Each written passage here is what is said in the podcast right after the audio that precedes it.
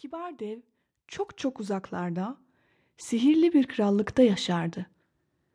Yaşadığı yer nehir kenarında, büyüleyici dağların eteğindeydi. Kibar dev oldukça güçlüydü ama aynı zamanda yardımsever ve düşünceliydi. Etrafındaki dünyanın güzelliklerine zarar vermemeye dikkat ederdi. Çünkü bu harikulade alemde yanlışlıkla basıp çiğneyebileceği birçok küçük canlı yaşıyordu. Kibar dev her sabah erkenden kalkar ve başlamak üzere olan yeni günün macera dolu duygusunu içinde hissederdi. Nehrin kenarındaki evinden dev adımlarla çıkardı.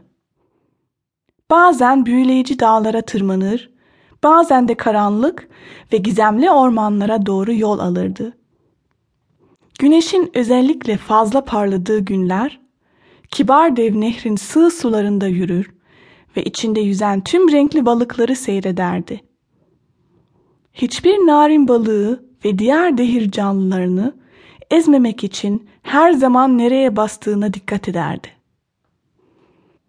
Türünün tek örneği olmasına rağmen kibar dev kendini hiç yalnız hissetmezdi. Çevresindeki her şeyin kendisiyle bir şekilde bağlı olduğuna inanırdı. Kibar dev bu yüzden mutluydu.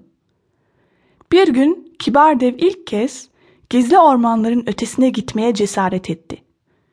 Gizli ormanların doğu sınırındaki Bulutlar Vadisi'ne gitti. Gizemli vadide güzel çiçeklerle dolu kocaman bir tarla gördü. Çiçek tarlasının kenarına yavaşça oturdu ve çiçeklerin güzelliğini seyretti. Yaratılışı gereği güzel çiçeklere zarar vermemeye dikkat etti. Kibar dev Bulutlar Vadisi'ne birçok kez daha gitti ve çiçek tarlasının kenarında saatlerce oturup tek tek narin çiçeklerin güzelliğini seyretti. Bir gün tarlanın ortasında yetişen sıra dışı bir çiçek gözüne çarptı.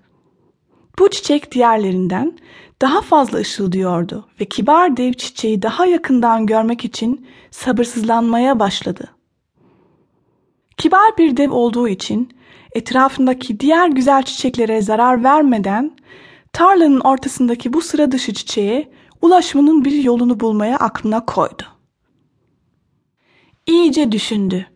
Parmağıyla kenarında oturduğu çiçek tarlasının zeminine uzun tahta bir iskelenin planını çizdi.